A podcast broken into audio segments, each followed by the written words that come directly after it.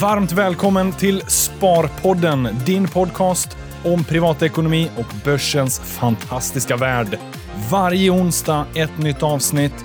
Häng med, för nu kör vi igång.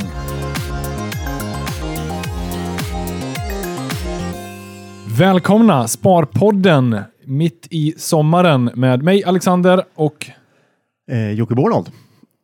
att du inte behöver tveka på den. jag vet inte varför jag tvekar. Kanske jag funderade på om jag skulle säga Jocke eller Joakim. ah, okej. Ja, hörde du att jag bara sa mitt förnamn? Jag mer... Det var det som fick mig att fastna faktiskt. Okej. Eh, för då tänkte jag, ska jag säga... Äh, Nej. nej. Du gillar att köra fullt ut. Ja. Ja. Du, vi ska inte landa i den här diskussionen. Vi är inte Nej. ensamma här. Vi har Nej. med oss en gäst. Tove Dahlgren från Allbright-stiftelsen. Välkommen! Yes, tack så mycket. Kul att Eh, vara här. Jättekul att ha dig här.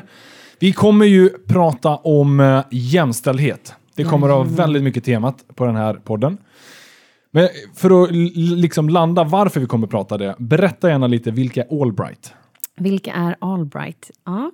För de som inte har stött på vårt namn tidigare så är vi en liten icke vinstdrivande stiftelse som jobbar med jämställdhet och för meritokrati i svenskt näringsliv.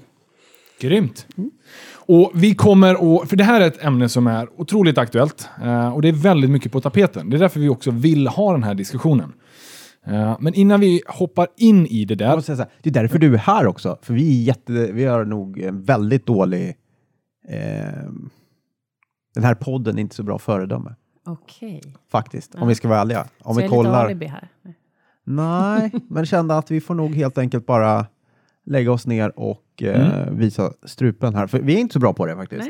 Eh, och det finns massa olika skäl till det. Men om man kollar statistiskt på hur många av våra gäster som är Eh, och sen är det jag och Alex förstås, men- som är män eller kvinnor så är det väldigt stor dominans av män som har gästat podden ja. genom åren faktiskt. Eh, kan vi konstatera. Och det har vi också diskuterat tidigare, att vi behöver lyfta in fler kvinnliga förebilder. Men utan att försöka landa i mer att vi har varit dåliga på det. För det är också så här, det är du och jag, vi är 100% män som driver den här podden. Ja. Men du sa ju också meritokratiskt. Yes. Och det är otroligt intressant och det vill jag att vi ska diskutera en hel del om mer.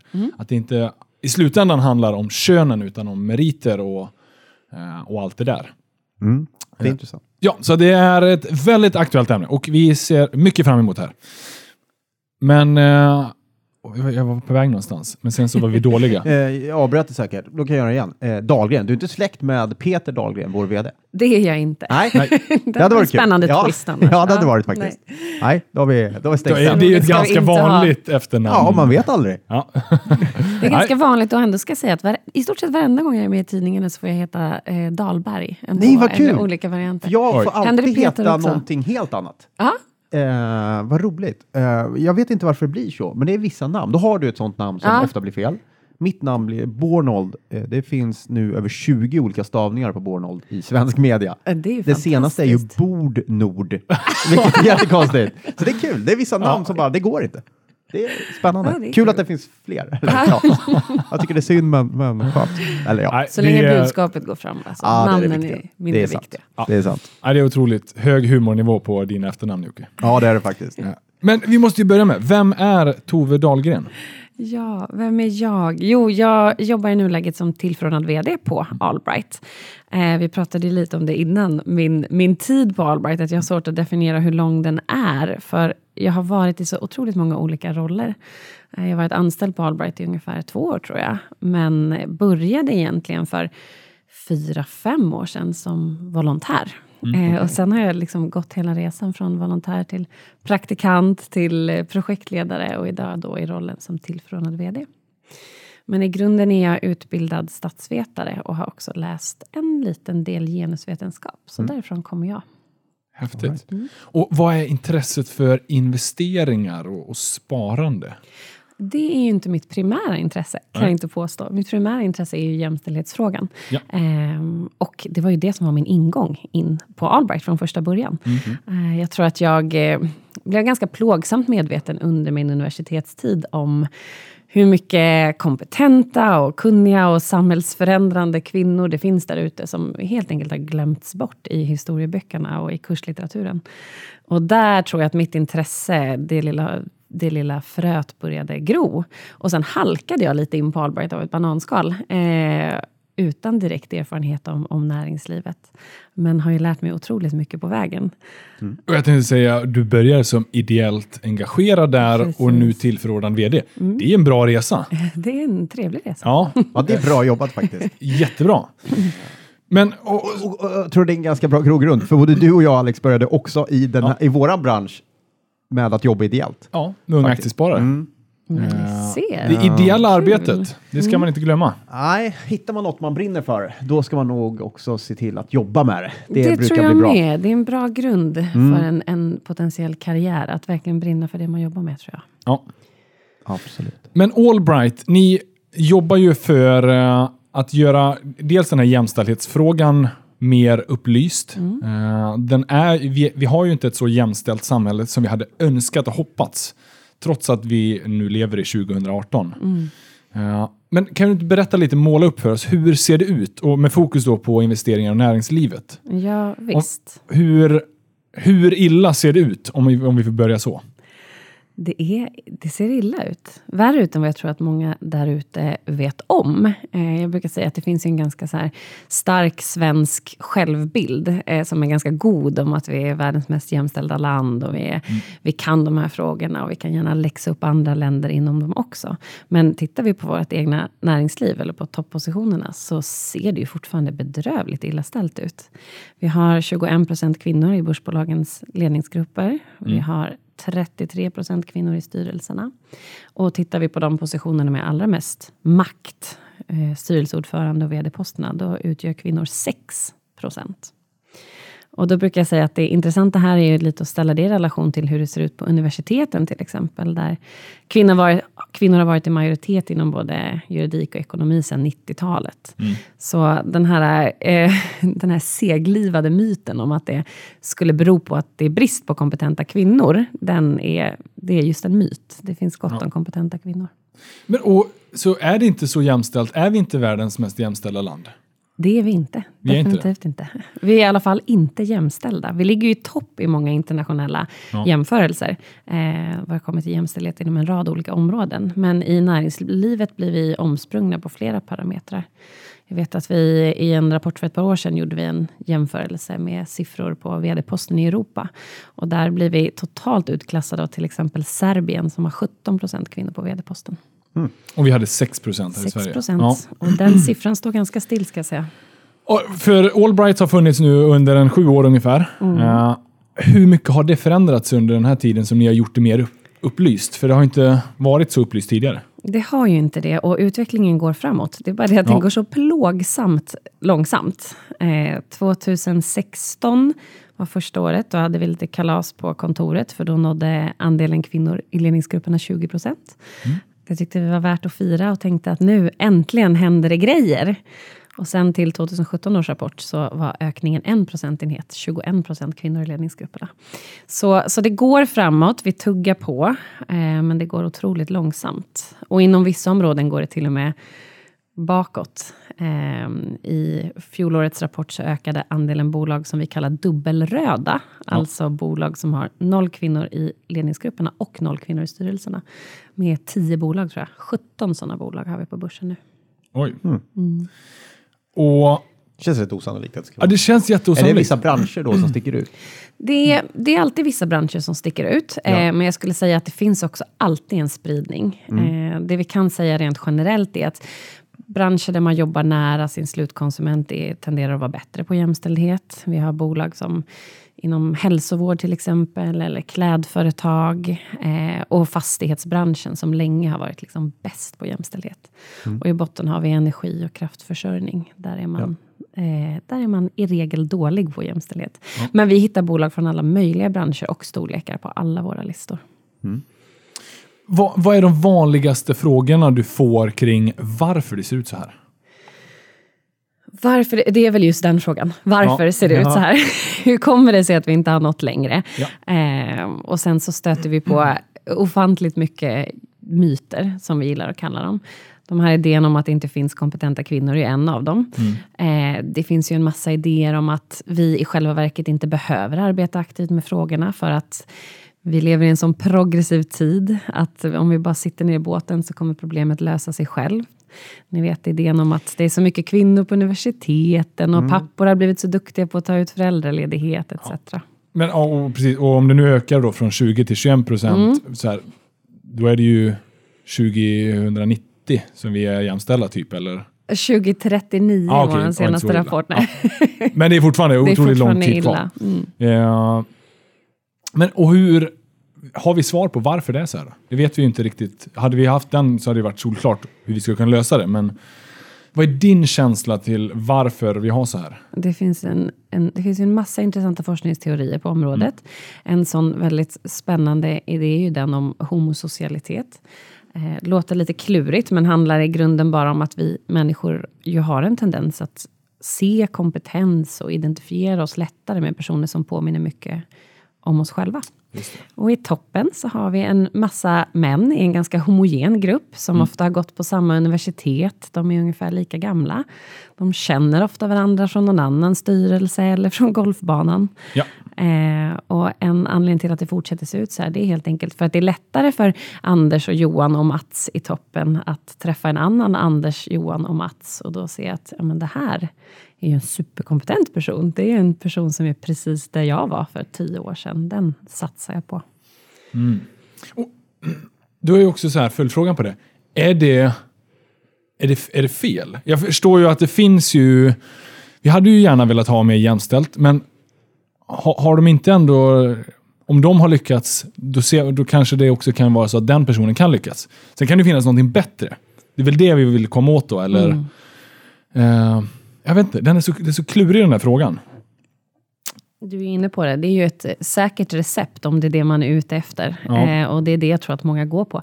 Någon typ av trygghet och säkerhet. Eh, man kan spegla sig i kandidaten och som sagt känna igen sig själv. Är man däremot intresserad av som företagsledare att vara ständigt innovativ, att vara så kreativ som möjligt, att komma på de absolut bästa lösningarna. Mm. Och dessutom att spegla den kundkrets som faktiskt ska köpa våra produkter. Ja, men då är det också i ens intresse att se till att bolaget och de som tar fram produkterna också speglar speglar omvärlden. Det är ett bra argument.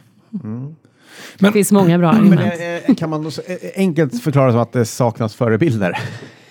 Det saknas förebilder och det saknas vilja och mod, tror jag, mm. hos företagsledare. Att helt enkelt våga se utanför den här extremt snäva eh, mallen vi har av vem som är kompetent nog att vara chef idag. Mm. Och att våga satsa på talang och kompetens i kanske lite mer ovana former än vad vi är vana att se.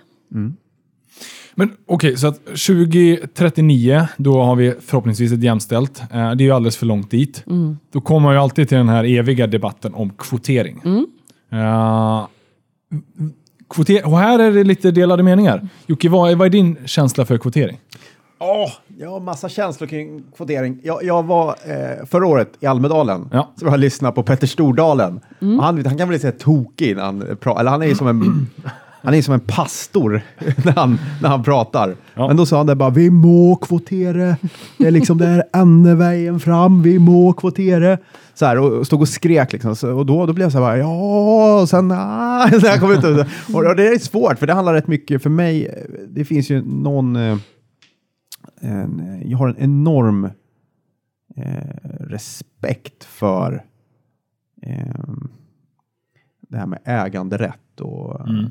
och den delen. Och det är, då, då är det svårt tycker jag att förena den kanske med att, att, ähm, att äh, kvotera in till en styrelse. Äh, det är free ja. enterprise och rätt ja. driva. Så lagstifta om det. Men å andra sidan kan jag ha ett exempel nära mig själv är ju som ekonom och ut i press mycket så är det så att många tidningar använder ju en form av kvotering. Liksom. Att man, man, man väljer att Ibland får jag inte vara med därför att jag är en man helt enkelt. Eh, och män i ekonomijournalistik tenderar att synas väldigt mycket. Det tror jag funkar väldigt bra. Även om jag tycker det är bittert om, om jag inte får med så inser jag ju att och tycker jag också att ekonomijournalistiken blir bättre av det. Och fler kommer in, bättre samtal, olika röster, tankar. Um, så där funkar ju det liksom. Så att jag, det där är, jag vet inte. Ja, ja men, eh, men ändå blir det väl ändå så att um, um, ägarna måste få välja vilka som ska sitta i styrelsen. Men likväl så inser jag att eh, eh, då, då, måste de också aktivt göra det, så att säga. Eh, det är väldigt mycket inaktivitet, eller att mm. välja en styrelse idag är inte så mycket aktivt letande, utan nej, man har sitt lilla nätverk. Det blir väldigt mycket att sitta i styrelse, det blir väldigt ofta en belöning. Mm till exempel fortfarande, vilket är ju helt bisarrt egentligen. Eh, det är en extremt viktig roll i ett företag. Um, och det blir väl... på det sättet att... ja, det kan vara lång och trogen tjänst i en ja. koncern eller i en verksamhet eller, eh, och då, då kanske du får sitta i styrelsen eller eh, och så vidare. Så att det krävs ju verkligen att man är mer aktiv i valberedning och så vidare verkligen mm. tänker igenom vilka man ska ha. Så att, men hur ska vi få till det då? Det här, om det inte händer någonting, hur ska vi få till det? Ja, då kan vi fråga sig, är det viktigt?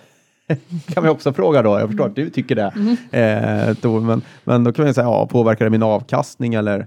Ja, jag tror ju det. Liksom. Ja. Jag tror ju att risken är ju att du tappar kanske inte bara då det blir lätt att man tänker kön då, men man tappar lätt många andra grupper också kanske som både i bolagets eh, operativa del men också i styrelsen. Så ja. ja, det var ett väldigt långt svar. Men jag, det är sånt jag funderar mycket på det. Eh, men, men just att tvinga till kvotering, det, det, jag tror nog inte på det. Nej. För, vad är din känsla Tove? Ja, det är ju precis som du säger, det finns ju otroligt mycket att diskutera kring eh, mm. idén om kvotering. Och vi ja. försöker hålla station med hur har det slagit ut i andra länder och, och vilka effekter Norge kan har vi se. det, eller? Norge har haft kvotering mm. ganska länge, precis. Mm. Eh, Tyskland har precis infört okay. också. Mm. Men vår principiella hållning på Albright är ju att vi är emot kvotering. Okay. Och det handlar ju dels om att vi ända från starten har försökt skifta fokus just från styrelsedebatten, där vi tycker att den har stagnerat lite grann mm. kring kvotering, till att dels börja prata andra möjliga lösningar, men också lägga fokus på ledningsgrupperna. Mm. Och den kvoteringslagen som den har sett ut eh, fram tills nu, den är ganska begränsad, rör ett ett ganska litet antal bolag och kvinnor. Eh, och en sån risk vi ser, som vi också har sett bevisats i i Tyskland och i, i Norge, det är just att det blir en kompetensflykt från ledningsgrupperna till styrelserna. Man plockar de kvinnorna man tycker är kompetenta och plötsligt har vi ännu färre kvinnor mm. i ledningsgrupperna. Ah, och vi tycker att det är jätteviktigt att titta på ledningsgrupperna. Vi har ju massa operativ makt där. Vi sänder ut jätteviktiga signaler neråt i organisationen. Och i förlängningen så är det ju där liksom rekryteringsunderlaget till styrelserna finns. Så vårt primära fokus är ju på att företagsledare, företagsledare själva ska äga frågan, ta tag i den och se till att lyfta all den här talangen som de ofta har längre ner i organisationen, hela vägen upp till ledningsgrupperna. Ja. Och, ja, men jag, jag gillar det argumentet också. För, och det handlar ju mycket om att lyfta fram förebilder mm. och visa, visa vägen. Det, den tror jag är ju starkt på. Mm. Att vi måste lyfta. Och det har ju fungerat bra i media. Där, där blir det ju en mer balanserad, så som du pratar om Jocke. Ja, jag tycker det. Ja. Uh, men ja, det tar för sen, lång tid ja, i vissa lägen. Exakt. Och vi kan ju också, vi är ju ganska trötta på Allbright vid det här laget. Eh, vi håller på och granskar hur det har sett ut eh, efter vårens stämmosäsong nu. Och mm. det verkar ju inte ha skett några, några fantastiska framsteg där heller. Eh, så jag börjar också känna lite att svenska företagsledare också till viss, till viss nivå bara ber om att få dra upp den här kvoteringsdebatten igen. ja. De har ju verkligen bett upprepade gånger om att få äga frågan själva och ändå mm. händer i stort sett ingenting. Så. Nej. Men tror du det finns, eh, rätt många skulle säkert säga, ja, det kanske inte finns nog många som vill. Mm. Kanske många kvinnor kan, som inte ja, vill. Ja, ja, kan ju vara så också. Ja. Uh, Men då handlar det om förebild. Jag tror inte att det är så i och för sig. Um, faktiskt. Um, det finns... Det är en ursäkt som vi ofta får höra, eh, ja. både vad gäller chefsnivå och styrelser och så mm. vidare. Eh, det finns ju studier gjorda på området som visar att kvinnor uttrycker i precis samma utsträckning som män att man är intresserad av chefspositioner framöver och att ha ledande positioner i bolag.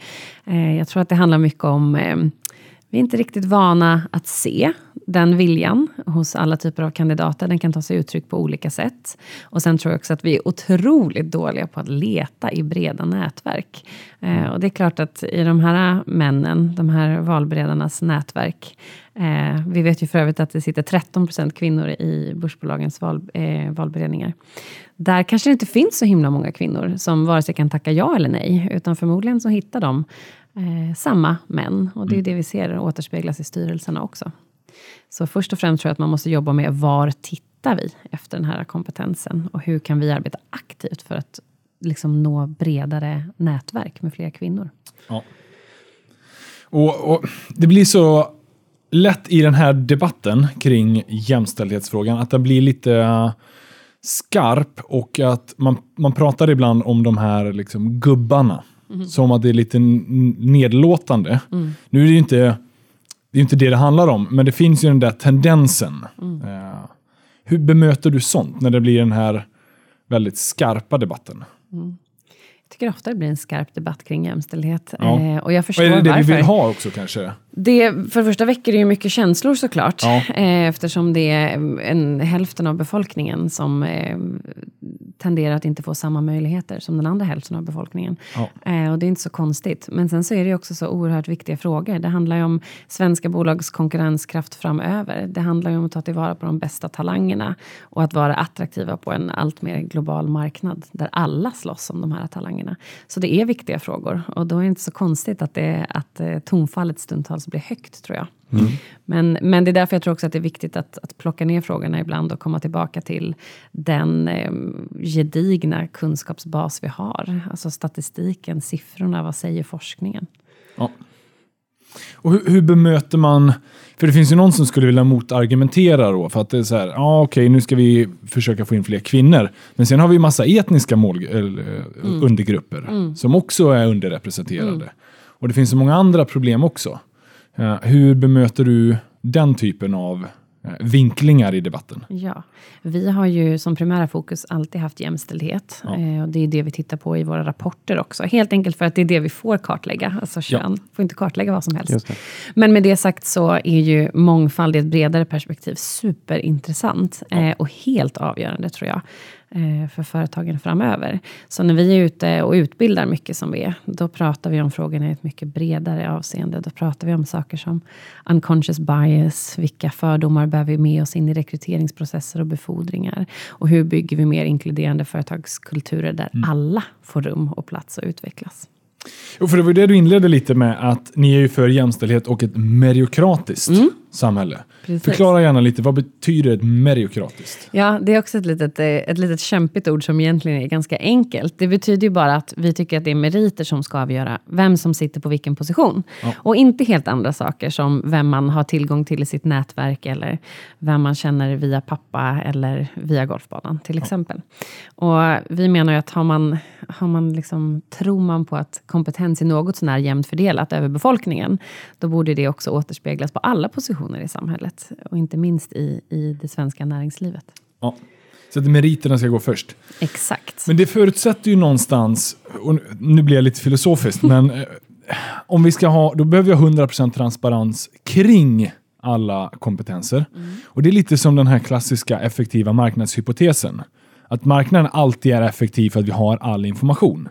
Mm. Men jag tror att både du och jag Jocke eh, skulle ju säga att marknaden inte är effektiv i alla lägen. Mm. Och det är lite samma här. Vi har ju inte all kompetens på bordet. Så då blir det ofta att, att man behöver ta sig till golfbanan för att nätverka lite. Och det är på den sättet man har jobbat in sig. Hur, hur får vi bort de mönstren? Vi måste arbeta mycket mer strukturerat i rekryteringsprocesserna. Och det hör ja. vi ju från, från samtliga områden, inte minst från rekryterarna själva, som är i kontakt med de här valberedarna till exempel. Eh, och som fortfarande bemöts av det här. Nej, men jag känner en, en kille, han har de här meriterna, han har gjort de här, sitter i de här andra styrelserna, så han kommer mm. passa utmärkt. Eh, eller fortfarande säga att nej, men vi hittar inga kvinnor till den här posten, medan rekryterarna själva säger att men vi kan plocka fram en lista med kvinnor, det är inga problem. Ge oss lite tid och förtroende bara.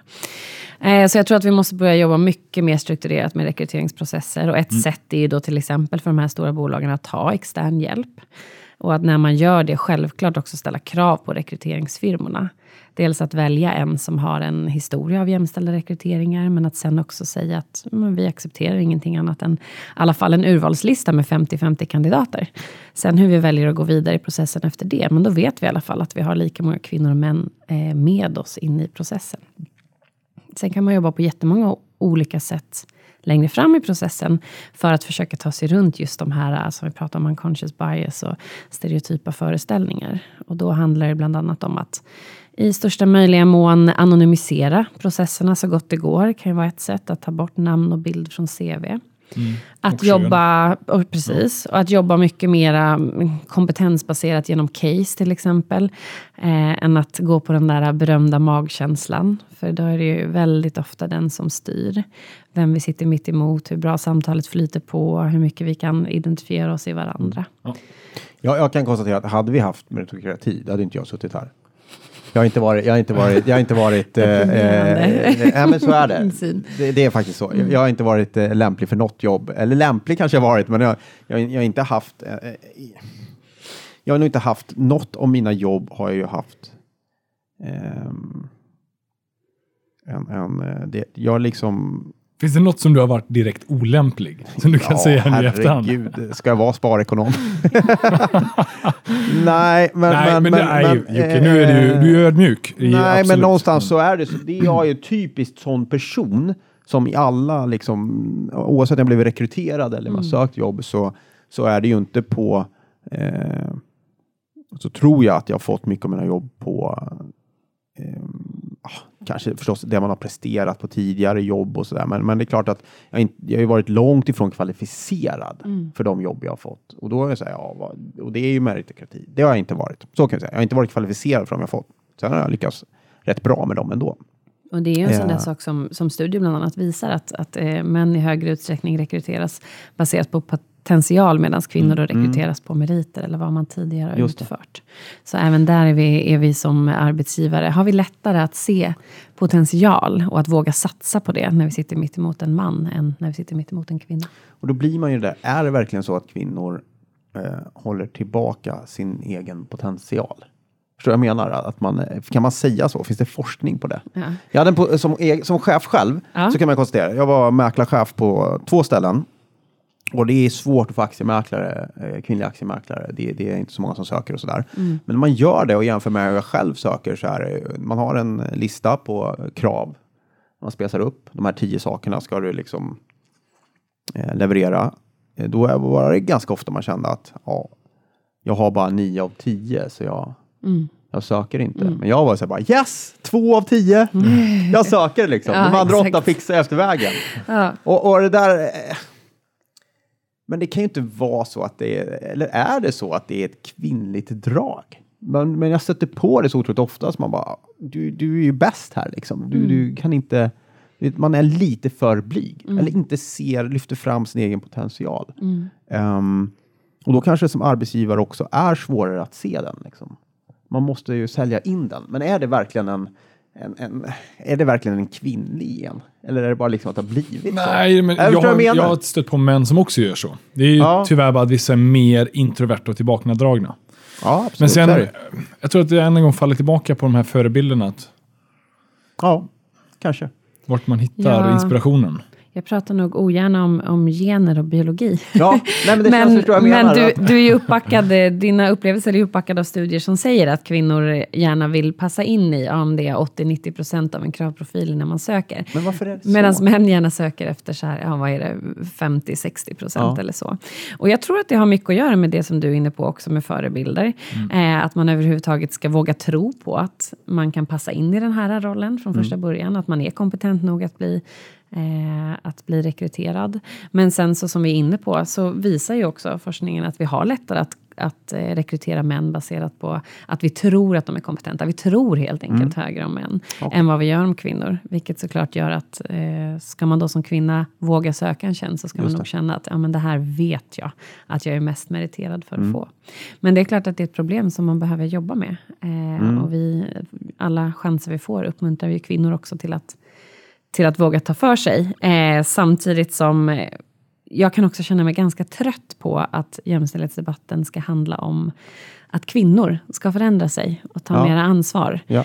Det finns ju liksom eh, gott om kurser som kvinnor kan gå för att lära sig att förhandla som en man eller tala som en man och stå mer bredbent. Jag har till exempel blivit inbjuden till flera. Eh, Jaha, har du jag- gått på någon? Eh, det har jag inte gjort. Men det hade varit spännande i och för Ja, sig. faktiskt. Live-rapportera från. Ja. Eh, men eh, men så jag, jag brukar säga att det liksom är dags för debatten att, att skiftas nu och att lägga fokus där det hör hemma. Alltså på de som faktiskt sitter på den reella makten att förändra de här Ja. sakerna. Men det är fascinerande, för att jag har haft lika många kvinnor som män som chefer. Jag kan inte påstå att det har varit någon skillnad. Nej. Faktiskt. Du ser. Ja, ja, liksom, det, det är ju inte, det är inte så att det är inte så att, eh, jag, jag kan inte säga det. Nej. Det har varit mycket annat som skiljer på chefskapet. Mm. Framförallt kanske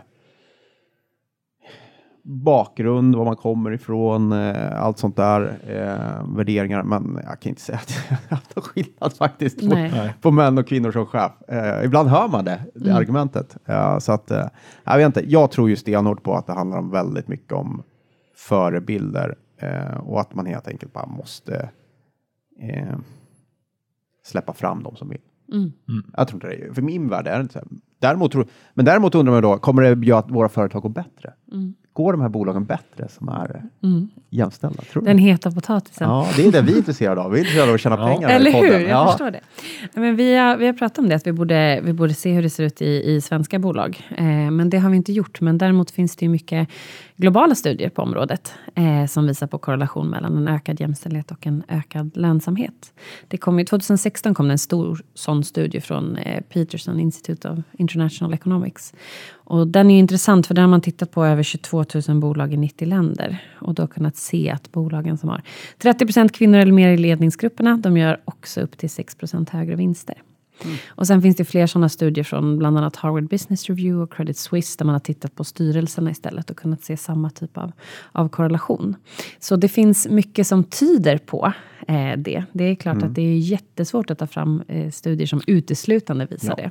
Men det finns eh, fler och fler studier, det görs nya hela tiden, som pekar på att det är positivt för företags eh, resultat att vara mer blandade på ledande position.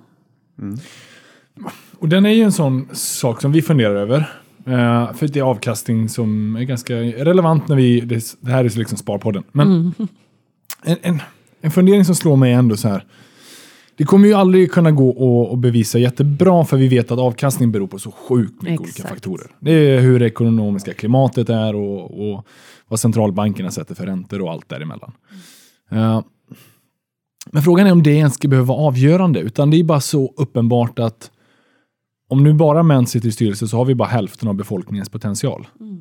Eh, och ska vi då gå mot ett meritokratiskt samhälle så vill vi ha så stort urval av kandidater som möjligt för att försöka hitta de med bäst potential. Sen om det är en man eller kvinna, det är ju inte det intressanta utan det är meriten som vi vill komma åt. Exakt. Eh, Så jag tycker absolut inte det ska vara ett argument för att vänta med att investera hållbart tills vi har fått någon studie på svenska börsen. Utan, Nej, eh, det är meriten vi vill åt. Oavsett vilket kön eller vilken etnisk bakgrund eller vad det nu är. Precis. Ja, och just den här potentialen som, som eh, så många studier visar kommer i och med blandade grupper. Alltså att vi helt enkelt blir lite smartare. Ja. Och jag brukar säga att jag tycker att det säger sig självt. För att de allra flesta där ute har nog någon gång suttit i en sån här grupp där man påminner väldigt mycket om varandra. Eh, och vet exakt hur bekvämt och skönt det är i ett styrelserum när liksom besluten går väldigt snabbt att fatta. Man blir väldigt sällan ifrågasatt i sina, sina funderingar och förslag. Eh, och man når liksom en konsensus. Det blir härlig stämning helt enkelt. Men, men frågan är ju att är det, är det på det här sättet vi hittar de liksom mest innovativa, kreativa lösningarna? Eller är det när vi faktiskt får stötas och blötas lite, mötas av andra personers erfarenheter och åsikter och kunskaper? Eh, och det är ju många studier som tyder på att det är just det vi behöver för, för innovationskraften framöver. Och det är jag helt övertygad om. Ja.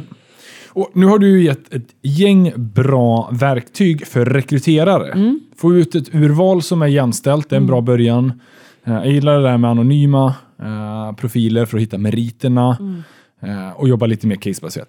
Så jättebra för alla rekryterare där ute, så till att ta med i den. Men vad kan vi som enskilda individer som inte har varken någon styrelseposition eller ledningsposition, vi, vi är bara vanliga investerare. Vad kan vi göra för att påverka det här i rätt riktning? Ja, så det finns ju så otroligt mycket vi alla kan göra. Dels jag tänker att de allra flesta eh, här inne och som lyssnar är också jobbar på en arbetsplats. Eh, och där handlar det väldigt mycket om att liksom bidra till att skapa en inkluderande företagskultur. Där alla får möjlighet att ta plats på samma villkor. Och något sånt som vi ofta stöter på när vi är ute och utbildar företag, det är just problem med jargongen. Alltså att det finns en väldigt exkluderande, ofta sexistisk jargong. Skämt som sker på halva gruppens bekostnad. Eh, och där kan man ju helt enkelt se till att bli lite modigare allihopa. Och att våga sätta ner foten när man hör sådana här skämt som man egentligen tycker kanske går över gränsen. Eh, och att också våga ifrågasätta när man ser mm. så här, eh, konstiga könsbaserade strukturer som till exempel att det alltid är samma personer som plockar ur diskmaskinen eller att det alltid är samma personer som eh, volontärer att ta anteckningar på mötena ja. eller ja, samma personer som alltid går på lunch ihop och att man i det läget kan testa att bara fråga varför ser det ut på det här sättet? Mina erfarenheter är att det ja. brukar väcka ganska mycket spännande tankar. Den är ju sjukt viktig. Och mm. ifrågasätta vanliga gamla mönster. Mm, och att börja liksom öppna ögonen för dem själv också, tror jag. Ja. Att börja liksom prata och börja läsa inifrån. om de här frågorna. Mm.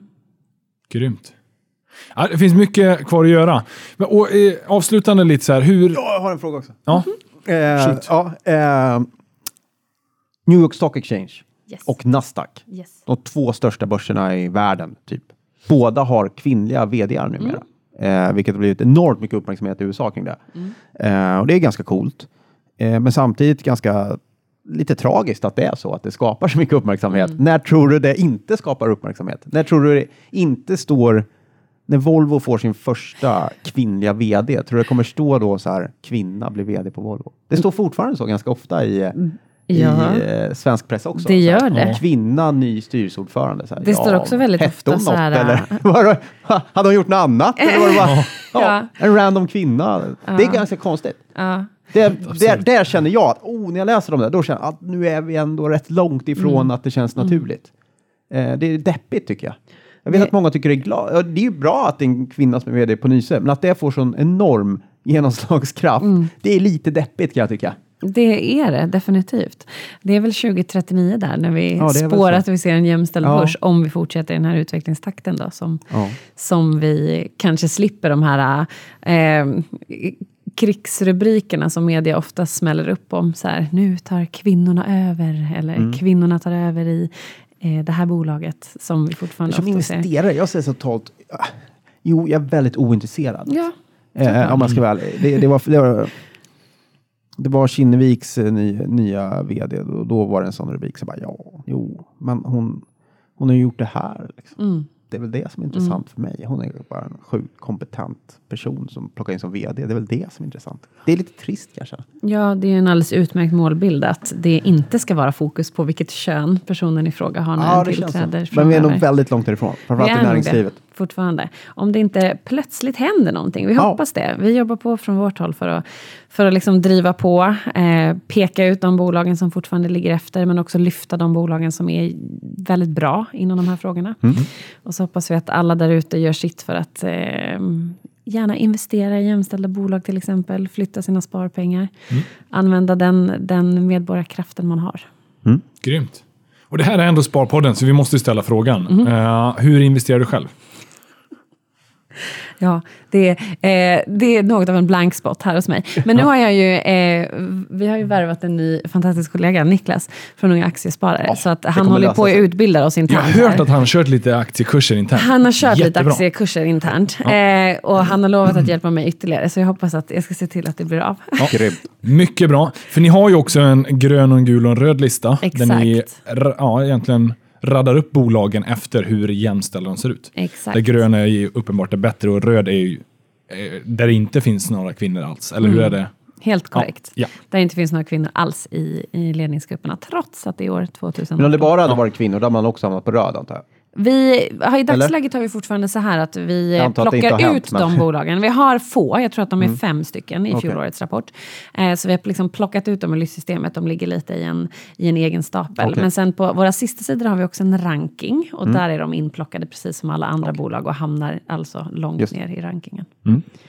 Det är ju balansen man är ute Exakt, efter. det är det vi är ute efter. Grymt!